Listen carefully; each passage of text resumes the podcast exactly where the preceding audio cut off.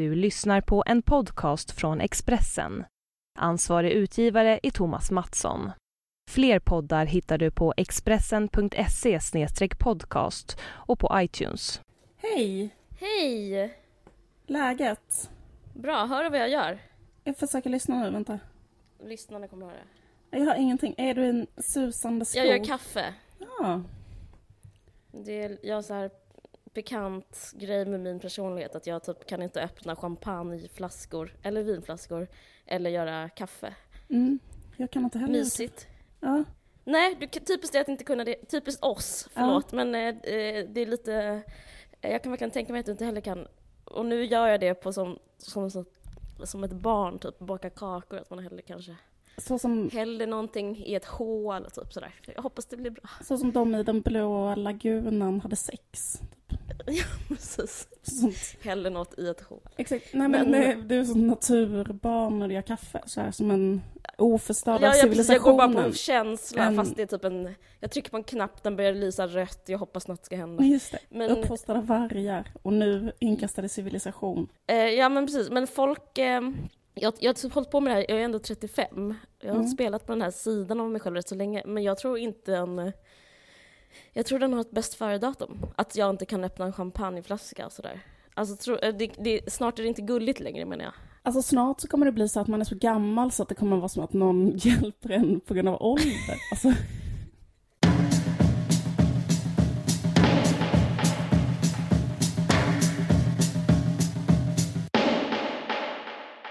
Hur mår du? Hur är läget? det är jättebra. Kul. Ehm, Kul ska- att höra din röst. Det känns som, eh, det här är verkligen inte spelat nu, men vi har liksom, eh, jag har saknat dig och jag, jag tycker vi liksom snackat så lite på sista tiden, så det är jättekul att podda bara för att vi, eh, jag typ eh, är sugen på att eh, snacka liksom. Mysigt. Det är sant. Vad kul. Mm. Jag tänkte på det faktiskt på sista tiden också, för jag har ju varit i Paris. Din gamla, eh, Min gamla stad. hemstad. Exakt. Ja, vad mysigt. Mm, det var jättemysigt. Eh, Ehm, det har allt. Mm, verkligen. Även sexism, om man, så därför går Ja. det inte att bo där. Ja, men jag tror att man, man kan bo där ändå, för det är så härligt. Men, eh, men, Men eh, jag bodde precis. ett år och jag kände typ att det blev tärande till slut. Jag blev liksom som parisien, alltså jag typ gick ner i svin mycket i vikt och typ, eh, ja men, ja men mest viktgrejen, att jag så började äta li- för lite. Alltså jag tycker det, det gick in i, under huden hela grejen med Ja, det är verkligen som med alla de länderna, att det är sån eh, kollektiv eh, ätstörning, typ också ja. Italien och ehm, Portugal och Spanien och sådär. Att, alla, att det finns en sån eh, grej att alla ska vara så petit, typ. Ja, Ehm, ja, det är jättesjukt. När jag var där nu så var det liksom en, eh, det så här höll på att uppdagas, eller liksom i så centrum av en jättestor eh, debatt typ kring så sextrakasserier. Mm. Eh, som är så himla, alltså det bara säger så, alltså det är så sjukt så här, vilken nivå det, det hela är på. För det är Mm. så här 17 typ, det började med att det var så här 17 franska kvinnliga ministrar, alltså som mm, från olika partier eh, Mm. och liksom som har varit ministrar för länge sedan och sånt där. För det finns ju absolut inte 17 ministrar nu. Alltså det är väldigt lite franska kvinnor i politiken överhuvudtaget. Det är typ så här 73 procent män i parlamentet och så. mm. Men i alla fall, de kvinnor som är i politiken, de har typ gått ut nu och sagt så här, vi, vi, eh, vi måste liksom våga så här, speak up om att vi blir eh, så jävla typ sexuellt trakasserade i så Förlåt jag här, skrattar men det är så jävla typiskt. Ja. Ja men det är så jävla typiskt. Inte att de speak up utan att de blir det såklart. Nej men precis. Och då Mm. har det liksom främst varit en eh, man som eh, har varit liksom talman i parlamentet, fast som nu Mm. faktiskt har fått gå, som heter Denise Bopin. Mm. Och eh, han har, ehm, eh, det finns typ åtta kvinnor eller någonting. Alltså alla, det är så sjukt också för att alla, har så här, alla är extremt högst uppsatta. Det är liksom som att Mm. Det går liksom, det går inte att beskriva, alltså det är som att alla, alltså han är gift med bostadsministern till exempel. Mm. Eh, och sen är det då att det finns typ eh, åtta olika vittnesmål mot honom som är så här, mycket att han har skickat sms, alltså under ett års tid kanske, ett sms, eller flera sms som, alltså dagligen skickat sådana sms som är så här eh, jag vill knulla dig, bla bla bla, du ska på dig det här och så vidare. Och sen har de kvinnorna skrivit så här, sluta skicka de här smsen. Så kanske han skriver så här, Sluta Ehm, uppmuntra mig. Eh, Ex, sluta uppmuntra mig, det är så sexigt att göra att, Men i alla fall, de kvinnorna. Och sen så har han typ tryckt upp en mot en vägg och tagit henne på brösten och försökt kyssa henne och så vidare. Mm. Men han blev outad nu för att det var någon som fick nog för att han var med i ett sånt upprop eh, där män skulle stödja eh, liksom um, våld mot kvinnor, att det är fel. Mm. Så han typ mm. så var med och hade på sig läppstift och stod med massa andra män och var så här, vi är män och vi är faktiskt emot våld mot kvinnor. Sen meanwhile så har han då hållit på med det här. Och då, och då, och då blev de typ såhär, nu pallar inte vi längre, nu börjar vi prata om det. Men det första som hände var liksom att typ all social media bara började skriva så här hur mycket de, alltså typ hur ful hans fru är. Hans fru är så här då eh, bostadsminister i Hollands regering. Som förklaring för ja, att som förklaring, typ, typ så här. måste tafsa? Ja, så här. Jag är så himla osurprised att den här typ feta kossan inte kan så här, tillfredsställa honom. Typ så var det liksom en jättestor grej. Ja.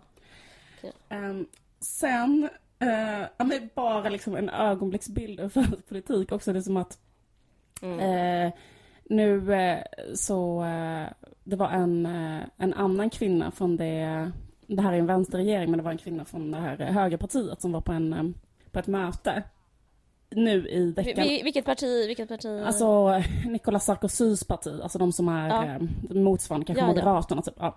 ja. Mm. Hon var i alla fall på ett möte nu förra veckan.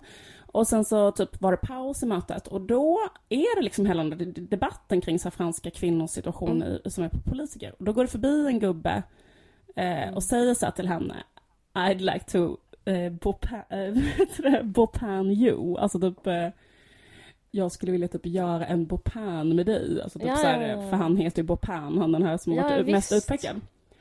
Eh, och då sa hon det, och då, då liksom outade hon det, gick ut med det så här, så här har jag det, men nu försökte jag gå på ett möte just när den här jävla debatten pågår. så typ använde han det som en sån sexig replik till henne. Ja, som pick-up line, absolut. En pick-up line. Och då var det en manlig journalist som intervjuade henne och då sa den här, frågade den här manliga journalisten henne bara så ah gud vad intressant att vara med om det här. Och sen så frågade han så här, följdfråga, har du någon gång varit med om några riktiga sexuella trakasserier? Nej. Ja. Och det var liksom en journalist från en helt vanlig tidning liksom. Vilken fars. Ja, det är en sån jävla fars. Eller vilken sån... Parodi. Eh, det, parodi. Det låter som en fransk film.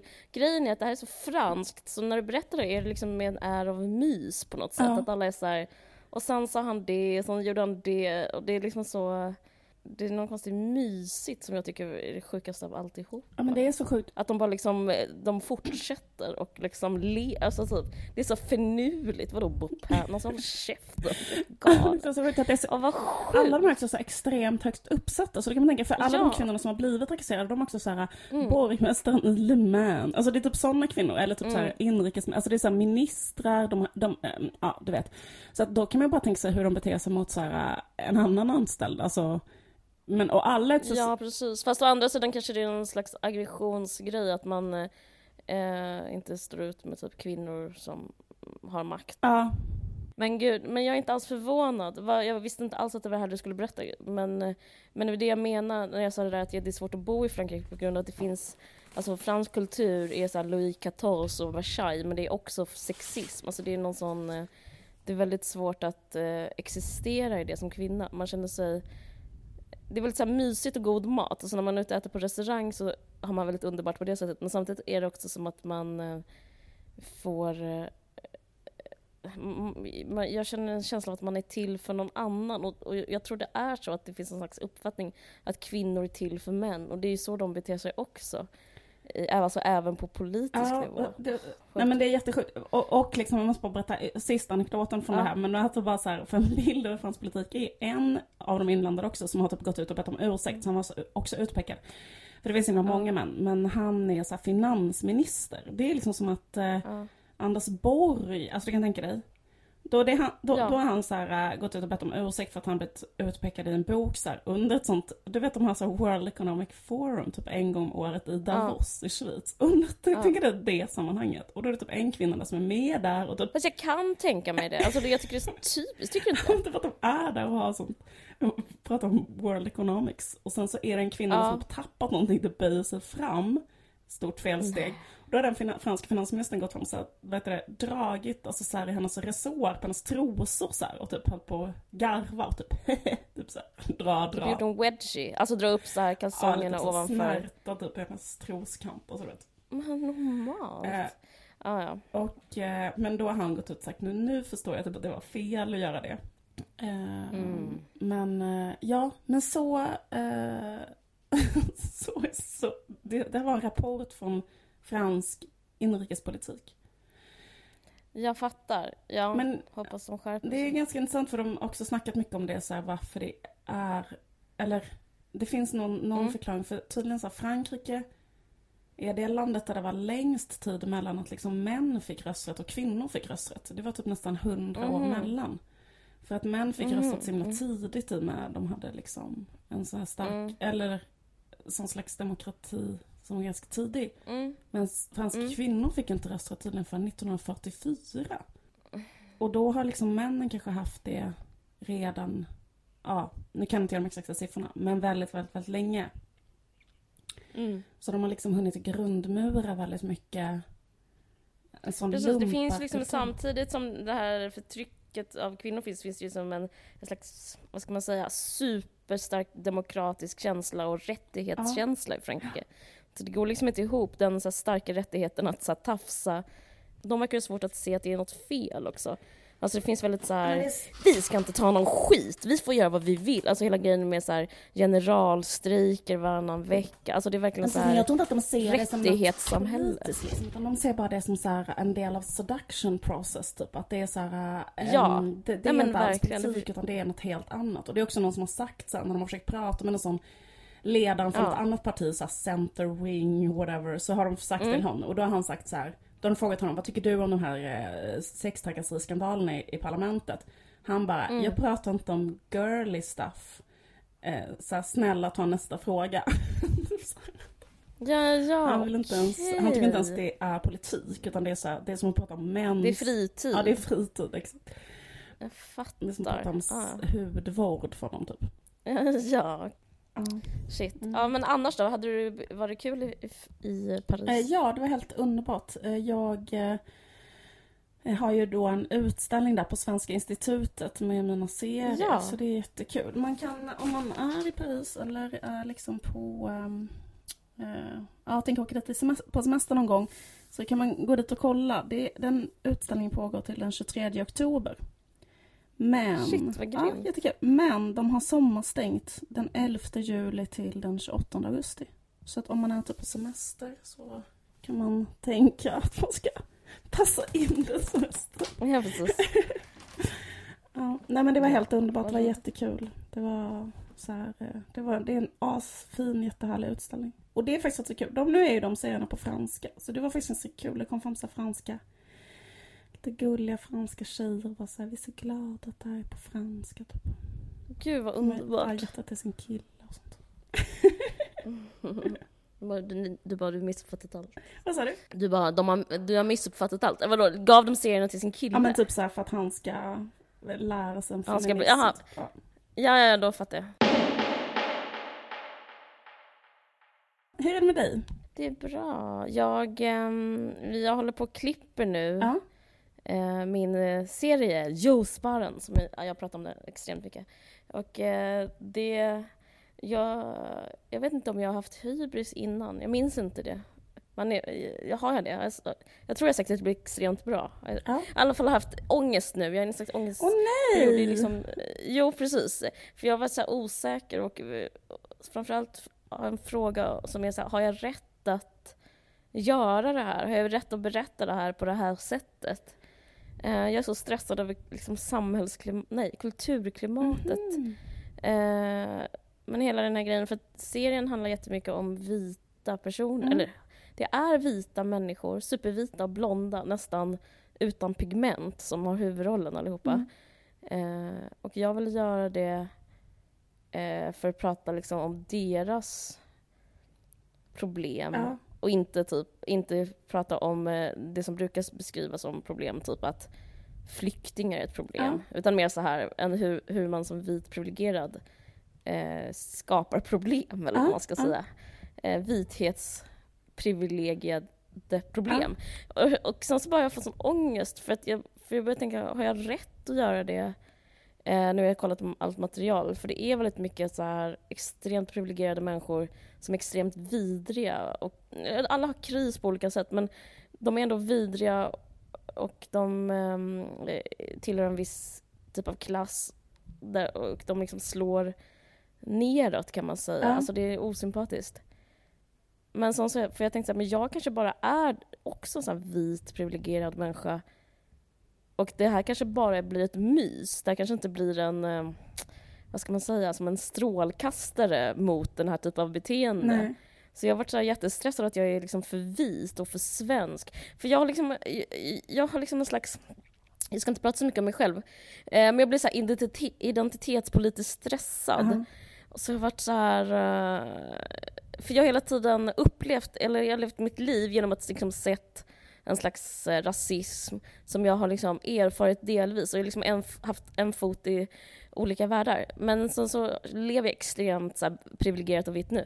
Men jag skulle bara säga att det, det, det känns bra, det har löst sig för att jag öppnar den här inkorgen på Facebook som är others. Har du sett den någon gång? Eh, ja, men jag har aldrig vågat öppna. Ah, okej. ja. Nej men om du öppnar den så kommer du, för vi brukar så skryta om att vi inte blir näthatade Mm. för mig. Eller jag, jag har gjort det några Ja. gånger. Men där så har jag fått reda på allting. Och jag har rätt att göra den här serien om vita och deras vidriga privilegier och hur vidriga vita mä- svenska människor är. För att jag ehm, är absolut inte antivit. Jag, det, det står att jag är en indianhora och eh, att så här, chilenska brudar ska hålla käften och eh, Eh, alltså jag har jättemycket sådana um, invit, alltså så här, eh, sexuella trakasserier baserade på etnicitet. Alltså typ så här 20 stycken mejl efter varandra. Men gud, ja men vad precis. sjukt. Jag, jag Men vet att det låter hemskt. Det? Alltså då bara tänkte Eh, du så jag känner faktiskt, aj, jag kände såhär, ah, okej det är okej att jag gör den här serien, tänkte jag. Jag hade ingen känsla alls. Och så var det någon tjej som, har- jag fattar inte hur beröm kan komma dit också. Men vi fick också beröm för vår podd, det var jättemysigt. Ja, men det är väl bara typ om... Jag förstår inte hur det systemet funkar. Hur kan, varför hamnar vissa meddelanden där och andra... Jag tror typ att om man inte är vän med någon och den inte är vän med någon som man själv känner, så typ Okej. där, ja. då... Eller man kan ha liksom olika inställningar, tror jag. Fast jag vet Mm, inte, men jag okej. vågar aldrig heller kolla den. För jag ty- eller liksom, jag, Nej, det var, Ja. det var mörk. Ja men exakt, det är lite pun komiskt där. För jag brukar också alltid säga att jag inte får något näthat. Men det beror på att jag aldrig läser en- ens mina vanliga mejl som folk skickar till min vanliga. Men precis. ah, so that's what... Precis så, ja, Mm. precis så that's what's up. Ja exakt. jag tycker den här diskussionen är så jävla överdriven. Den är så himla... Själv klarar jag mig genom att typ inte använda internet. ja, precis. Men, ehm, men gud vad sjukt ändå. Vad... Ja, särskilt att typ återuppleva det här, eller återuppväcka det här indian. Ja, sånt. det, det känns så jättekonstigt. Men, men på riktigt blev jag inte sårad. Fortsätt skicka. Men, ehm, eh, jo, men jag tycker att det är så här... eh, jag, liksom, jag tycker det låter jätteprogressivt. För att jag menar, det värsta man vet är ju så här eh, dokumentärfilmare som typ ska så här, leta upp eh, eh, liksom, jag vet inte, den mest utsatta, alkade, eh, pundar, Någon prostituerade kvinnan och sen typ så här, Gravid. en gravid prostituerad heroinist som bor i så här, Needle Park. Det är väl typ den vanligaste så här, dokumentärfilmsidén. Och sen typ gå Ja, efter henne och verkligen. filma henne i alla utsatta stationer. Och sen så var så här, ska Ja. det få vara så här? Ska hon få må så här? Alltså så är ju väldigt så klassisk dokumentärfilm. Eller att man letar Ja, upp ett, eh, eh, liksom eh, ett ursprungsfolk. Ett jävla freak som mår svindåligt. Ja, och sen typ filma den och lämna ut den helt och hållet och liksom blod. Så, så Ja. var ju alla de här filmerna om, eh, som Stefan Jarl gjorde, att så här, Kent och Stoffe var typ jätte alkoholiserade så filmade han dem när de var jättefulla och typ låg med sin flickvän. Han bara var där inne i rummet med kameran och zoomade in det. Och, alltså så. Ja. Och sen bara så fick alla människor se det i hela Sverige. Så, så liksom, ehm, och, och det är väl liksom att, att kameran, eh, det finns väl liksom en jätteintressant eh, diskussion om det, att, att eh, vart man riktar blicken. Jag tycker det spelar Ja. så jävla, jag är, är liksom jätteför det, att man gör det, att man riktar blicken mot makten och normen och sig själv och, och sådär. Men det är jag också. Mm, det är ju därför du har gjort Men- den. Kom ihåg det och låt det inte tryckas ner av någon som tycker att du borde... Men jag är så här identitetspolitiskt stressad om du fattar. Ja. Bara, vem har rätt att säga vad? Jag upplever att den diskussionen, den så puttrar. Så här, den personen har inte rätt att säga det, den personen har inte rätt att säga det. Den personen har rätt att säga det. Det blir liksom helt fel. att eh, man, man, måste liksom man måste vara sin sak. Mm. Det tycker jag är... ehm, och, det är så hård stämning om vem som får vara vad och vem som får säga vad. Ehm, Men ja, precis. Obs! Att jag vill bara nu så inte jag får någon hatbrev. I och för sig, då kan ni skicka det till det där Others. andra stället. Men, men, men att det är klart att eh, en prostituerad kan uttala sig om att vara prostituerad. Men jag menar, det är inte det, är inte det som är... Eh, det är inte den enda personen. Alltså, man, man kan vara så intellektuell kring saker utan att se ut eller vara den. Förlåt, det är så pinsamt att man behöver gå ner på den här nivån så och säga sånt där. Men det är bara för att eh, jag inte ska få mer hat än nödvändigt. Skit Ja, men jag i det. vet, jag tycker också det är Eh, ganska svårt. Jag håller på att göra en, ett seriealbum nu och då har jag liksom Mm. typ lite grann den där idén också liksom att jag tycker att det känns så viktigt att prata om människor som på riktigt har makt och liksom försöka så analysera det Mm. och kritisera det. Alltså det vill säga, Mm. Tänker jag nu, så här, finansmän och liksom hela den så globala eh, marknadsekonomin och liksom de människorna, eller de männen är ju det också Mm. som sitter liksom i toppen där. Att det känns som att de, alltså ingen vet vilka de är, de är så himla okända, ingen vet vad de gör, alltså du vet så här, och sen Mm. ändå typ då eh, styr väldigt mycket vad, vad som händer på planeten och så vidare. Mm. Eh, ja men i alla fall, då har jag i alla fall gjort en serie som handlar om klass. Ja men jag, jag faktiskt kämpar lite grann med samma grej, för jag själv är ju medelklass och har verkligen så här eh, på ett ironiskt sätt också genom att ha gjort de här jävla se- vänsterserierna så har alla Ja. ni, det är, är liksom män, Sveriges folks fel för de har köpt så många av de där serierna så att jag bara så puttas Ja. längre och längre upp i, eh, i klass. Du har gjort en Jag har gjort en klassresa klassresa på, här, att klassmedvetna serier. om klassmedvetna serier, exakt. Och nu... Ja, det är jättekul. Kommer ni, om, liksom, om ni fortsätter på det här sättet så kommer jag sluta i en sån mansion som Jan Guillou och sitta där bland massa uppstoppade Ja. djur liksom. Ehm, Ja, just det. Shit. och... Eh, nej men jag vet inte, men då, då, eh, då pendlar jag faktiskt också mellan det där att vara självreflexiv eh, Mm. i albumet och skriva så här. Jag är vit medelklass, jag är, eh, alltså du vet så här hela tiden.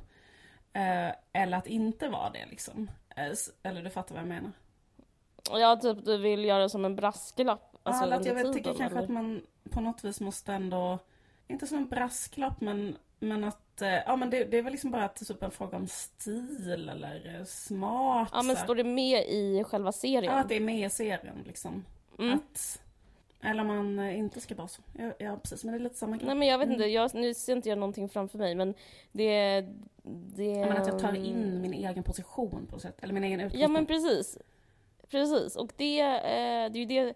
Om man inte gör det så har man ju större risk, här, risk eller chans att bli slaktad. Eh, för alltså, du kan ju inte missför, då, då blir folk arga, vem är det som säger Ja. det här?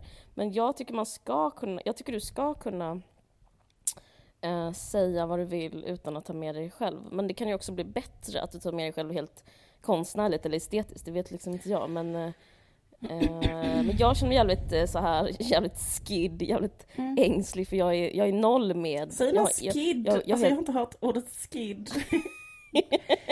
Måste vi berätta Jävligt det skid. ifall det finns lyssnare som inte kommer från Skåne? Är det inte ett skånskt uttryck? Kanske. Skid betyder att man är rädd alltså. Just det, det sa, man, sa, man sa det på 80 och 80 90-talet. 90-talet i Skåne. Men, men man kanske, säger man det ovanför Ingen typ aning. Lund? Om man drar en sån gräns. Nej, det tror jag inte. Men uh, kalla mig uh, Påvet Rammel för att jag älskar att leka med ord. Mm, det är jättebra på det. Eh, Nej, Mm. men Ja men du känner dig Nej, skid men nej. för jag känner mig skid att, att bli slaktad för att jag liksom inte ens nämnt mig själv och för att jag heter Caroline Ringskog och att eh, jag, jag typ så här lekt med tanken, liksom hur ska jag Ska jag nämna så här min egen eh, rasifierade erfarenhet eller historia på något sätt? Men nu har jag liksom valt att absolut inte göra det på något enda sätt. Eh, ja. Ja, jag fattar. Men grejen är att äh, jag skulle kunna vara ännu svennigare men ändå ha den här ändå få säga det här. Ty, det är min liksom teoretiska ståndpunkt. Ja, visst, men om det Den- är den- din teoretiska jag- jag- ståndpunkt så är det väl bara att Jag vet men det är köra. så svajigt där uppe och ensamt när Ja. jag har den där teoretiska ståndpunkten. Jag känner mig inte alls säker. Jag känner mig liksom väldigt så jag-svag och osäker. Jag tycker det är svårt.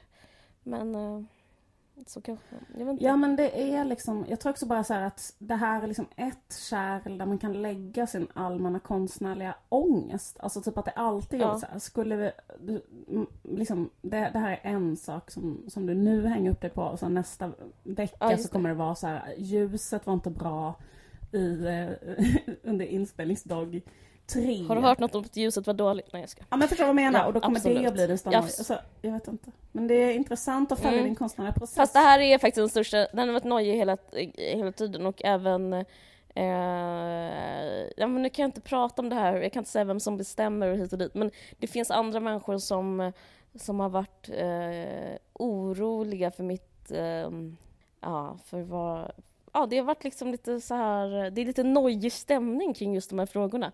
Och det var, men det speglar ju just vårt samhälle, att det är så jävla rasistiskt och tabubelagt och så här, det finns massa lager av vad som, eh, av vem som har makt och vem som så låtsas, alltså man låtsas ju att alla är lika mycket värda och är li, ja, jämlika, men så är inte så.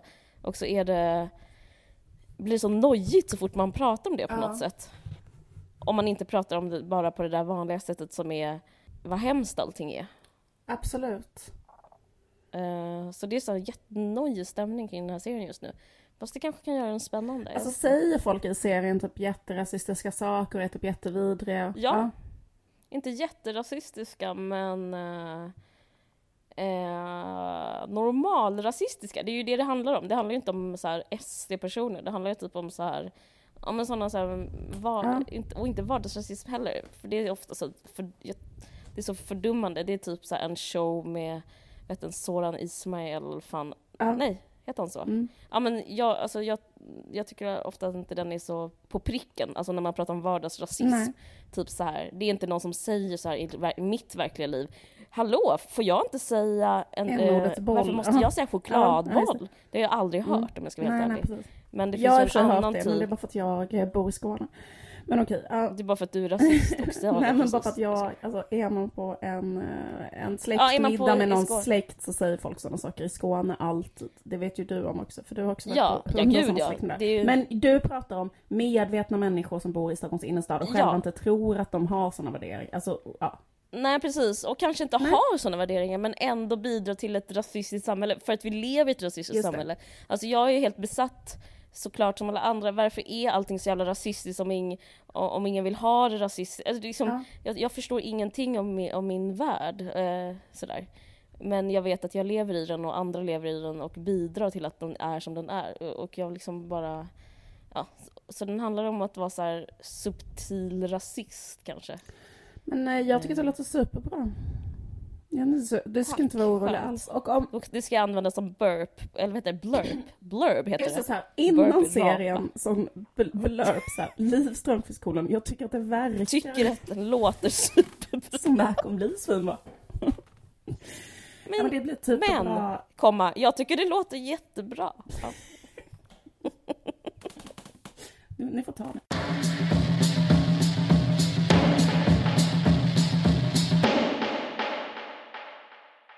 Du vet frisyren The Man Bun? Det Mm. är alltså antingen att eh, killar har en knut, eh, antingen bara lågt ner som en vanlig knut, eller som en knut lite högt upp på huvudet. Är det inte, är det inte lättast att bara säga Peter Jihde? Har inte han? Jo, just det. Eh, och man kan också ha med undercut, eller hur? Det har kanske inte Peter Jihde. Alltså att det är Nej, kort hår nej. och sen en manbun uppe på huvudet. Men eh, Precis. känner du till att det finns ett, eller har du känt av eller märkt att det finns liksom ett hat mot frisyren manbun?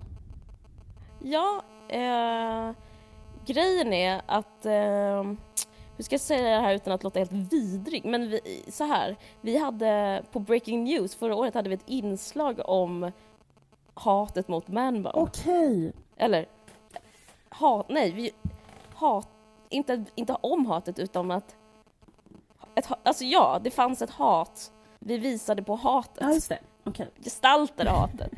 Ett år senare eh, tar jag upp det här. Så jävla sämst. Eh, nej men jag, eh, men pratar ni om hatet mot det i Sverige? Eller i USA? Sverige. Jag tror det var bara det handlade om Peter Jihde. Okej, okej, okej, okej. Eh, Och vad, och, Eller kanske inte made, made the cut. Jag vet att det var, jag minns ett redaktionsmöte om the man bun. Det är därför jag, jag är väldigt insatt, jag vet exakt vad the man bun är, men eh, jag tror att folk hatar the man bun. Alltså jag går med rakt av på hatet mot the okej, man bun. hatar du The Man Bun? Nej. Ah. Hatar du the Nej. man bun? Varför ska man hata the man Eh, bun? ingen aning. Jag tycker typ att det är rätt så snyggt. Jag tycker också det. Ehm, och men i alla fall, jag läste bara lite grann om eh, att ehm, det har blivit voted så här den värsta trenden eh, i USA. Typ så hatar, eller finns ett jättestarkt hat mot the man bun. Jaha. Ehm, det har blivit voted så här den fulaste trenden till exempel. Enligt någon slags um, super Det är typ en jättesunkig eh, nätundersökning på en hemsida som jag hittat. Det räcker för mig. Ehm, nej men Daily Mail skrev om, om det och då eh, hade det varit en undersökning um, gjord på, med liksom, tusen amerikanska kvinnor och eh, 63% sa att de hatar the man bun och 58% sa att de aldrig skulle dejta en man med en man bun. Eh, och då, men jo men just och då hade man kollat på, ehm, vad heter, Det, där, det är inte män som får uttala sig, det är bara kvinnor alltså. Ja men precis, det, det var bara kvinnor. Ja. Jag vet inte om, För annars skulle jag liksom rakt av bara säga att det har att göra med eh, en sån här flint av en sjuka men den, okej, den teorin bara föll. Okej, ja nej. ja ja, att män hatar det för att eh, män som inte har möjlighet att ha en manbun på grund av håravfall. Jag tycker att det är, Så försöker de liksom... ett vidrigt eh, sätt att trycka- show off att man har så jättebra hår. Ja, att det är så här, men okej, eh, din fjoll, du med ditt fjolliga hår. Ja, Att ha hår är att inte vara man. Alltså typ olika sådana varianter på det. just det. Men, men det, det går inte, jag, jag hör hur, hur, hur det läcker. Men, det, ja, precis, nej, men, nej men det är intressant eh, det du säger för att jag läste också på Flashback när em, jag kollade, gjorde research hur manbun har diskuterats på Flashback. Att det finns nämligen Mm. två trådar. Men då var det Mm. just, apropå det här vems åsikt man är intresserad av, så var det en ganska rolig tråd som hette eh, Hårknut på killar, vad tycker ni damer? Mm. Men det är så himla fel um, liksom forum om man vill veta så vad tjejer tycker. Alltså jag tycker det är så rörande Ja. hur killar är. Att man är så här, nu vill jag veta vad tjejer tycker om uh, hårknut på killar. Och då bara, jag, jag, jag startar en Flashback-tråd. Eh, och så skriver han så här, har länge funderat på att skaffa en knut i håret, men jag undrar vad ni damer tycker om det på killar. Eh, och då svarar omedelbart eh, signaturen motherfuck så här. Varför frågar du? Om du själv gillar det så kör på. Inte fan ändrar man sig för att tjejer tycker an- annorlunda. Bara säga fuck you and have a nice day. Smiley. Mm. Eh, och då svarar Squash och är så här. Eh, det är klart att jag gör som jag vill, men jag ville bara ha det sett ur damernas synpunkt. Men det finns ju ingen tjej på Flashback, så det enda som händer är att andra killar skriver. Och då är det till exempel en annan kille som skriver Min bror har långt hår och han brukar göra en knut och det ser jättesnyggt ut. Eh, men, ehm, ja, men det är ingen tjej i den här kommentartråden i alla fall. Eh, så han får aldrig reda på det. Vad tycker damerna? Nej, men det, nej men jag tror också att det är ett manshat. Jag, jag har inte hört någon tjej inte gilla det. Att det är män som hatar män som har det för att de är avundsjuka Ja, för att, de är, för att det är snyggt. Ja. Jag känner mig stärkt i min teori Ja. Eh, Du och jag hatar inte det och de, de, vi är de enda jag känner som har pratat om det. Alltså tjejer, annars har jag bara pratat med killar om det. ja. ja men jag, jag tror att du har rätt. Eh, jag tyckte bara det var intressant av att tydligen enligt, alltså, i, alltså jag vet inte fan Ja. den här jävla tusen tjejerna man får till Daily Mail hatade det ju. Och då sa de, Ja. skälet till att de hatade det, att de tyckte att det såg feminint ut. Ja precis, jag visste att det skulle komma. Ja. Eh, men eh, men eh, de måste, alltså det är ju bara, eller jag vet inte ens vad det är för tjejer, men det, det känns ju helt, helt stört. Men i alla fall. Men det fick mig att tänka, har inte Beckham det? jo men alltså nu har ju alla, det känns som att så här, alla så här hunkiga killar har ju det nu. Typ Jared Ja. Leto, typ alla de har ju det. Ja men precis. Harry Det Styles. är ju bara, det där är ju bara den man, det är, jag, I call manlig konspiration. De är bara stressade över typ att eh, de snygga killarna med vackert hår får fler tjejer än dem. Ge mig, visa de där tusen tjejerna. Så, är det tusen kill, Killar. nättrollskillar som inte dricker Jolt Cola och har skapat en sån fejkad profil för att kunna rösta i Daily Mails. Ja, det är inte helt... Solklart. Nej men för jag, jag det är en sån kille som har gjort tusen alias. ja men precis. En riktigt flint person. Och det kan jag förstå. Jag, det, jag, jag menar inte att det är en dålig, eh, en dålig eller felaktig känsla. Eh, det är jättestressande om någon har så här, den värsta manen när man har inte fick det Genetiska i lotteri. ja, precis, den genetiska lotten. Liksom. Det är ju stressande. Men jag tyckte att det var eh, intressant därför att eh, jag kommer ihåg en gång för superlänge sedan. Eh, alltså det här är Ja. typ när jag var 17 år. Så var jag på min så Ja. första feministiska föreläsning någonsin. Eh, som var en sociolog FFF. som hette Karin Holmberg som höll ett föredrag. Där Mm. jag aldrig hade hört talas om feminism innan. Eller liksom Mm, patriarkatet och så. Men då, jag kommer ihåg väldigt mycket vad hon sa, fast det är väldigt länge sedan. Men det var en grej som hon Mm. sa, för då pratade hon om liksom det här isärhållande systemet. Alltså att eh, Mm. det är så väldigt viktigt att på alla sätt så signalera att eh, det finns två kön som, alltså det binära då, tvåkönssamhället där man inte Ja. ska Det är så viktigt kulturellt att ingen ska liksom inte förstå om någon är en man eller kvinna. Vilket ju hade hänt det. väldigt mycket oftare ifall kvinnor liksom inte hade haft smink och bara kortklippt hår eller om män hade haft långt hår Mm. och smink. hör ni, det är ert fel. Mm, jag skojar. Ja, absolut. Och ehm, då pratade hon om just manliga frisyrer, alltså typ att när män börjar gå över eh, könsbarriärer, till exempel när män började ha långt hår så var det en jättestor grej, alltså Mm. när Beatles började ha långt hår, eller sen när män började ha ännu längre hår, så på 80-talet så började ju män ha hår som var Mm. typ ner till eh, midjan typ. Mm. Och permanenta det och typ hela den grejen.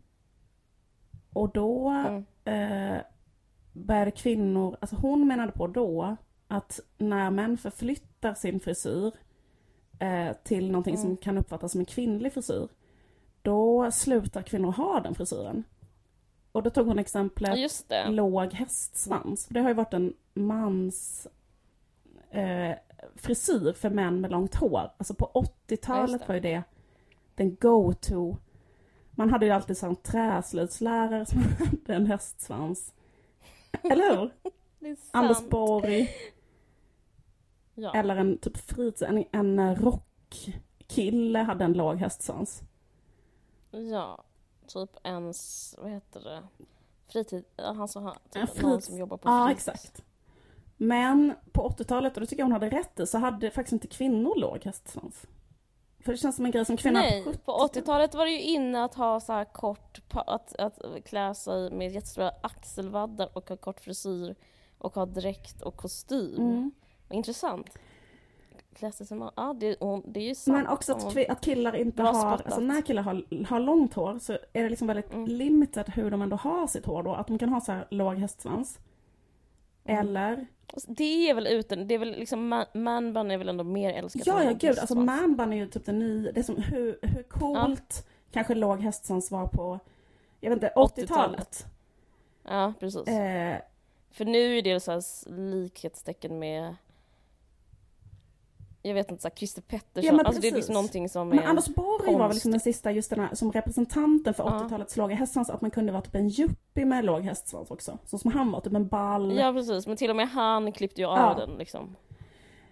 Eh, Men absolut. Men i Mm. alla fall, men, men killar kan ju inte ha till exempel, fast det har jag också sett har börjat komma, men att killar har hög hästsvans. Ja, men det är som viss typ av killar och, eh, Och det är inte alls, som gillar Japan. vad sa du?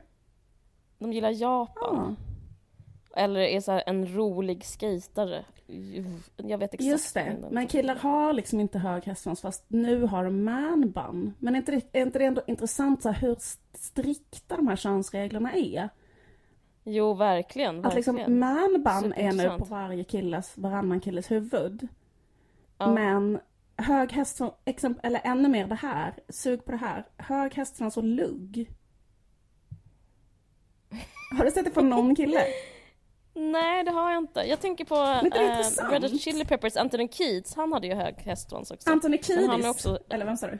Ja, men han hade ju, han Precis. hade ju olika sådana shapes. Han Ja. hade ju flä, två flätor till exempel. Ja, precis. Och så att, vad heter det, pippilott, alltså de två stycken eh, hästsvansar på varsin sida. Jag tror, kallas det pippilottor? Ja, just det, precis. Pippilottor. Ja, precis. Ja, men det, men det är också för att han, det, det, den typ av surf, Ja, knarkkille, det är den jag pratar om som jag kan se det här på. Men annars tycker jag att eh, det är totalt eh, ja men absolut så är det, men den här luggen alltså, men ja, liksom en, fo- luggen en, en, finns ball fotbolls, en ball hungrig fotbollsspelare skulle inte kunna ha lugg och hög hästsvans. Nej, För där är inte. liksom könsbarriären, där, är det, där blir man skjuten, då blir man utslappad till torget och avrättad typ om man har det. Alltså där är det, där går Ja, det tror jag. Men om du istället gör en manbun, då är det eh, nu helt lugnt. Det är intressant. Ja. Jätteintressant, jätteintressant. Bra spanat. Till och med läst Flashback. Vilka duktiga. Ja, vad mysigt. Men om ni Ja. killar lyssnar och vill ha damernas synpunkt. Just Vi har det. vissa lyssnare. Vilket de gör, vi Ja. har en tråd på Flashback. Men då kan jag säga att vi tycker det är fint. Ja men då ska vi, jag skulle bara säga att min åsikt om eh, manbun är att jag är väldigt liberal och kul att ni håller på, verkligen, Mm. måste jag säga. Men jag har också en åsikt. Jag, jag har en, en kille som jag skulle vilja framföra som en positiv killfrisyrförebild. Som, som ehm, Mm. eh, har verkligen en egen grej gången och det är artisten Jonas Lundqvist. Ja, just Han som innan det. var med Mm. i eh, fan Bad Cash Quartet, eller vad heter det? Jag kan inte om band. I Ja. alla fall. Han är en jättebra artist. Men han har liksom återupplivat den här grejen att man är flintis men inte döljer det genom att raka huvudet utan har en väldigt oängslig um, frisyr. Vilket är um, snyggt. superhett. Exakt. Eh, Mm. Det är min nya... Det tycker jag är så... Um, I och för sig nu är det också för att han är typ väldigt snygg så han kanske kan ha lite typ vad fan som helst för slags frisyr. Men jag tyckte att det var så inspirerande oängsligt och pionjärigt. Typ, eh, Verkligen. ett, annars så gå... Men jag tror det kräver väldigt mycket självförtroende. Alltså att, att, Men det är det som är så eh, hett. För Larry David har ju den frisyren Ja. också. Eh, och det är också typ att vara så bäst Ja. och så kan man ha det. Exakt. Eh, men det, gör, det är ju bara eh, adds up på det sex, sexighetsskalan. Det är jättehärligt. Men också att, ehm, vad heter det, ehm, vad ska jag säga? Jo, att det känns annars som att liksom utvecklingen när det gäller liksom utseende och narcissism och, och hetsen kring sig själv och, och hur man iscensätter Mm. sig själv, att den liksom tyvärr liksom rör sig att tjejer är så här, har länge varit så här helt ägda av det där. Och utvecklingen rör sig bara mer och mer åt att killar också är ägda av det. Och liksom, Mm. eh, men det tycker jag så det är liksom lite härligt att se exempel på att det liksom också går, eller det är härligt att gå mot en oängsligare riktning för båda könen tycker jag. Ja, verkligen. Ja. verkligen. Nog om det. Ska vi byta ämne? Ja, men jag ska sä- säga en sak till om det som, som också... Det är bara goda nyheter i podden idag. Och det finns en annan person som har gjort faktiskt något rätt så stort. Mhm. En, eh, för eh, den oäng, slagit ett slag för det oängsliga utseendet och så här köns... Vad ska man säga? Inte så könsrigid. Eh, och det är den underbara kvinnan Cecilia Hagen. Ja! Gud vad underbart. Ja. Fan, fan vilka positiva Ja. nyheter du har i podden då. Bara så mycket positiva Ja men så jävla trevligt. och ehm, jag fick eh, på posten, hon är en journalist Mm. ehm, som har jobbat på Expressen typ i 40 år. Hon är även författare och nu har hon kommit ut med en ny bok. Mm. Ska jag fan, nu går jag in i mitt sovrum och hämtar den här boken.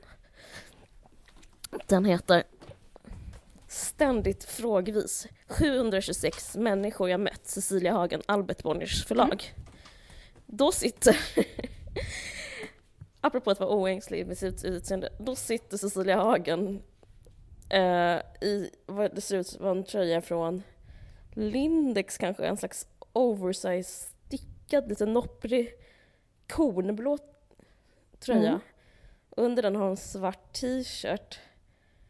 Eh, hon har ett halsband som kanske hennes barnbarn har gjort, jag vet inte. Ja. Eh, hon sitter i en, ett bilsäte tror Ja. jag. Ja, ett bilsäte. Och eh, är fotad underifrån Ja. eh, med, med blixt. Hon har på sig lite läppstift och eh, en... Det ser ut som hon har, hon har en kort frisyr, men det är en sån frisyr man ska underhålla och en utväxt kort frisyr, så den liksom lite hår, testar lite över öronen och så har hon de här läsglasögonen och inte så mycket smink. Eh, och så gör hon en min, hon ler inte, eh, utan hon gör liksom en min som gör att hon ser förvånad ut så att dubbel, hon får liksom dubbelhakor. Hon gör bara liksom Som en, liksom- en väldigt märklig min och är lite så snett tillbakalutad också. Alltså det ser ut som att man Mm. tar så här 15 bilder med sin mobil och så rensar Ja. man bort den här. Alltså sådana bilder existerar ju liksom Ja, inte längre i i Men den hon här trycker liksom sättet. in sitt, sitt, sitt, alltså det blir liksom så här att hon trycker in bakhuvudet mot sätet. Mm. Så man, mm, mm, du fattar, Ja, fattar vad jag ja. menar? Man bara oh!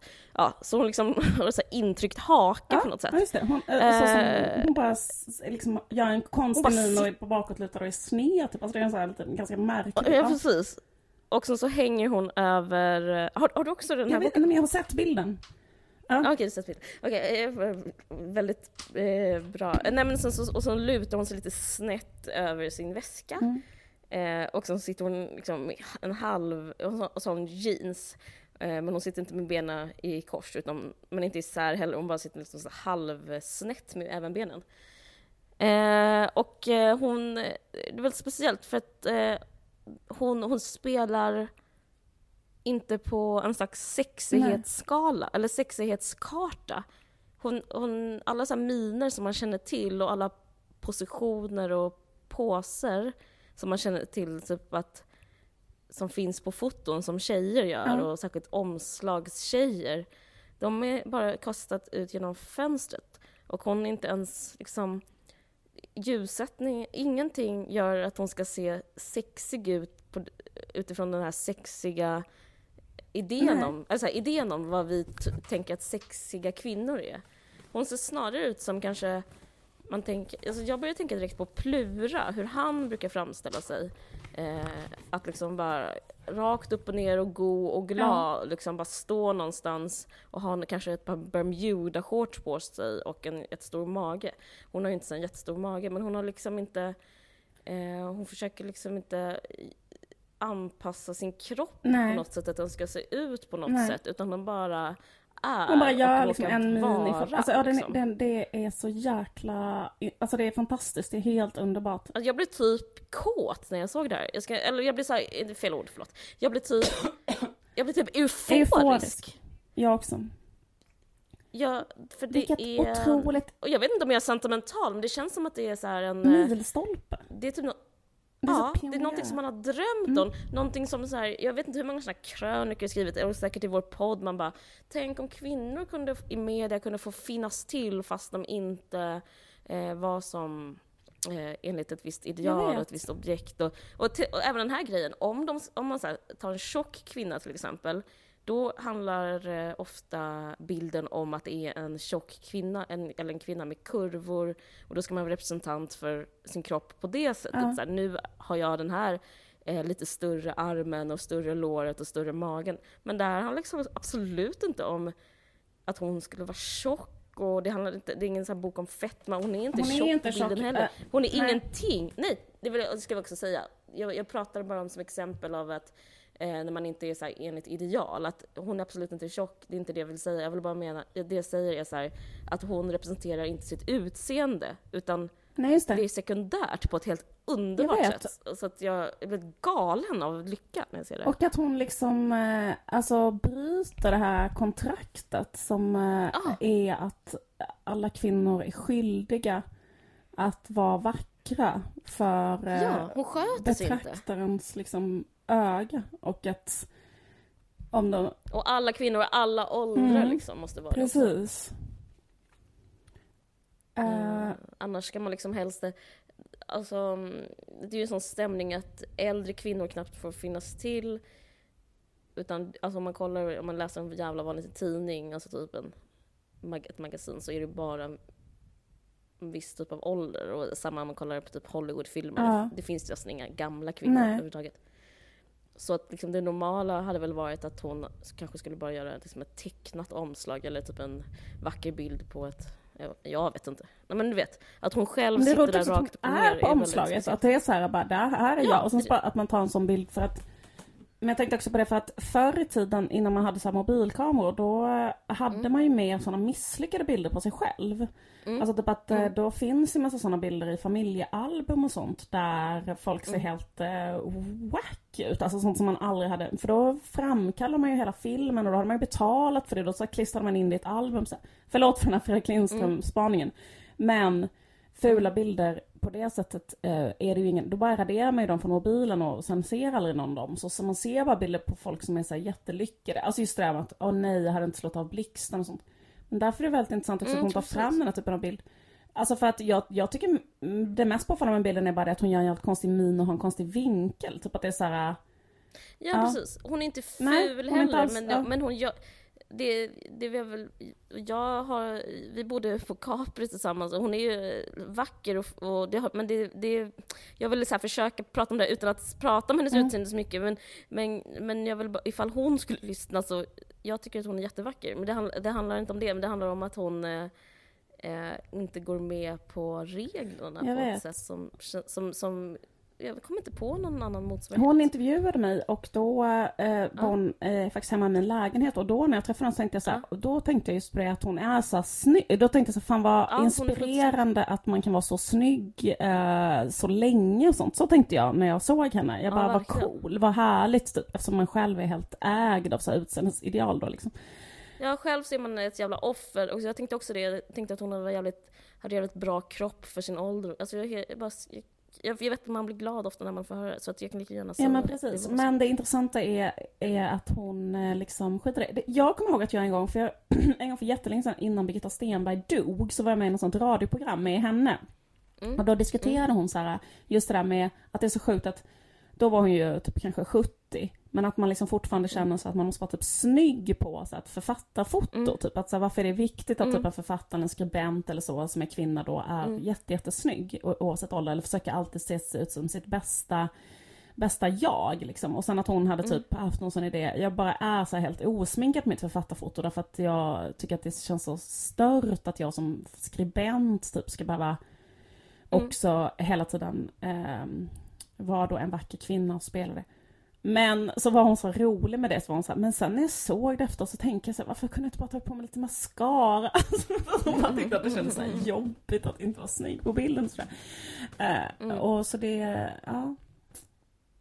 Jag tänker väldigt mycket på det med Lena Ja, Dunham är väldigt också ett så- sånt exempel som eh, Ja, liksom ett få, ett, en av få så här, äh, som ah, ah, alltså liksom bara är i den serien utan att uh, vara i klädsamma, sin mest smickrande typ outfit eller eh, smink eller hår eller sådana saker. jag vet. Jag tänkte jättemycket på det. Jag såg Amy Schumers nya, eh, jag har inte sett hela säsongen, men jag har sett några avsnitt.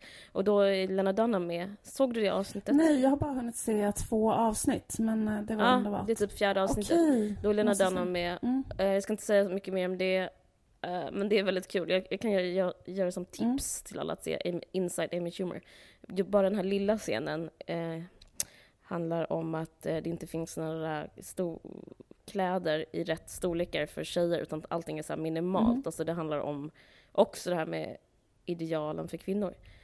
Och då visar butiksbiträdet Amy Schumer som ska köpa en vanlig t-shirt Eh, Hon bara, jag har den här i storlek större? Och då bara tittar butiksbiträdet äcklat på henne och så bara, nej vi har inte den här i storlek större, men kom med här. Och då så drar butiksbiträdet ut Amy Schumer ut på en äng. Mhm. På den ängen står en ko och så står Lena Dunham. Och så säger de så här, ja de tog oss hit. Eh, typ, ja, de säger att vi, vi ska hitta kläder här. Bara, var är vi någonstans? Vi är någonstans in the Midwest, jag har varit här ett halvår nu. Ja, det, det är jätteroligt. Och då är, typ, då är, då är Lena Dunham naken. Då tänkte jag så här, vad fan ska hon alltid vara naken för?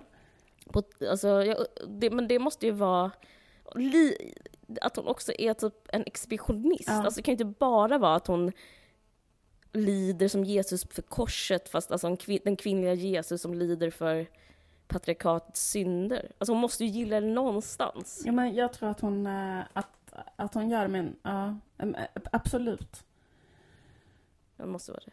Men jag tänker det här med Cecilia Hagen, att hon tycker säkert också det är jobbigt att vara ful. Eller det, jag tror inte att det går att komma undan den Mm. typ av... Eh, eh, men jag undrar, jag undrar, jag är väldigt fascinerad, intresserad av incitamentet att så här, med den här bilden. Jag undrar vad det, vad det är, liksom att hon... eh, Eh, om, om det är så att ta, ett kula, ta en kula för laget. För hon är ju väldigt medveten om patriarkala strukturer och sådär. Undrar om det är det eller vad det är liksom. Det är väldigt spännande. Jag, jag, jag måste nu göra en Google-paus bara för att jag Ja. vill läsa högt ur en krön, bara för att jag Ja. älskar Cecilia Hagen. Och nu vill jag läsa en högt ur hennes här, kommer du ihåg att hon var inblandad? Att hon skrev en så otroligt eh, bra ehm, svinrolig krönika eh, med rubriken Jag kan inte tänka mig något jävligare och det handlade om, och då skrev hon bland annat så här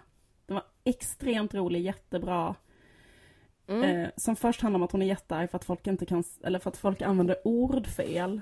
Hon skriver bara en lång jätte, jätterolig humoristisk rant om saker hon hatar. Och sen skriver hon om fotbollssupportrar. Gör något, utplåna dem från jordens yta nu med detsamma. Jag lovar att titta bort när det sker. Och sen fortsätter det bara att hon är arg över typ Så.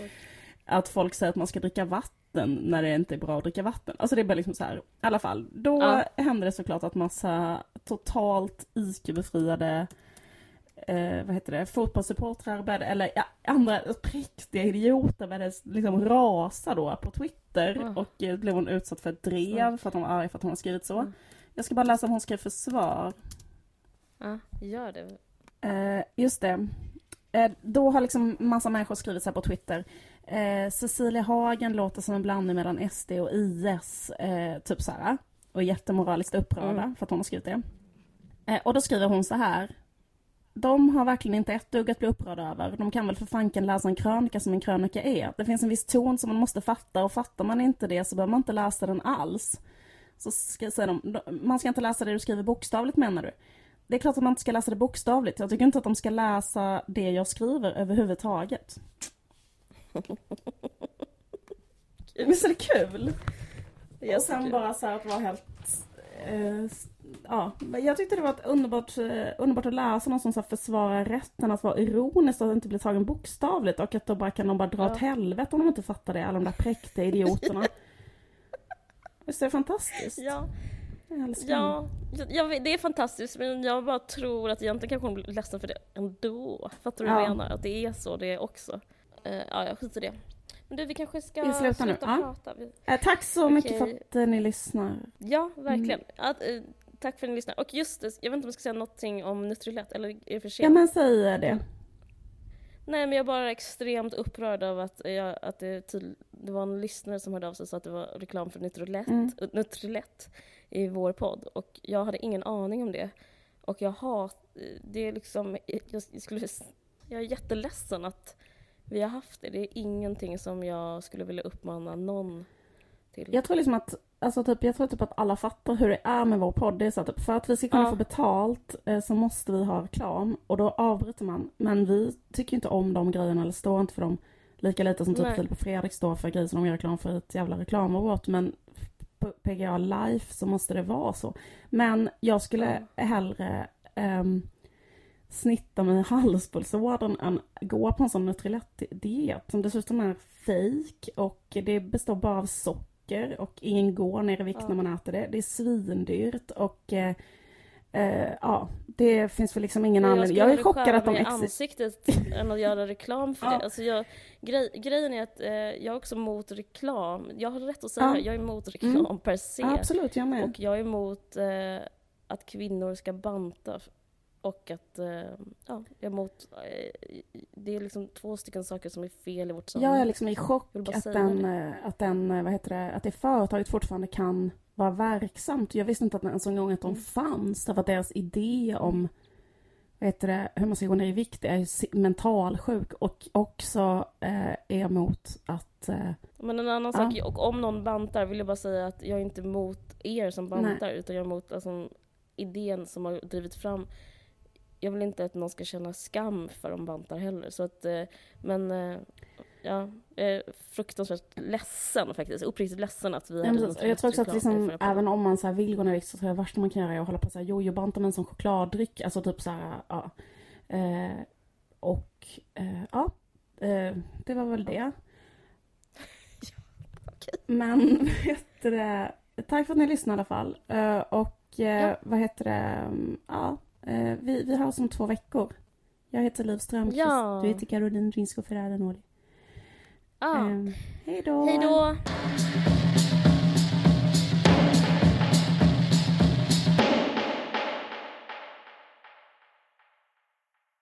Du har lyssnat på en podcast från Expressen. Ansvarig utgivare är Thomas Mattsson. Fler poddar hittar du på expressen.se podcast och på iTunes.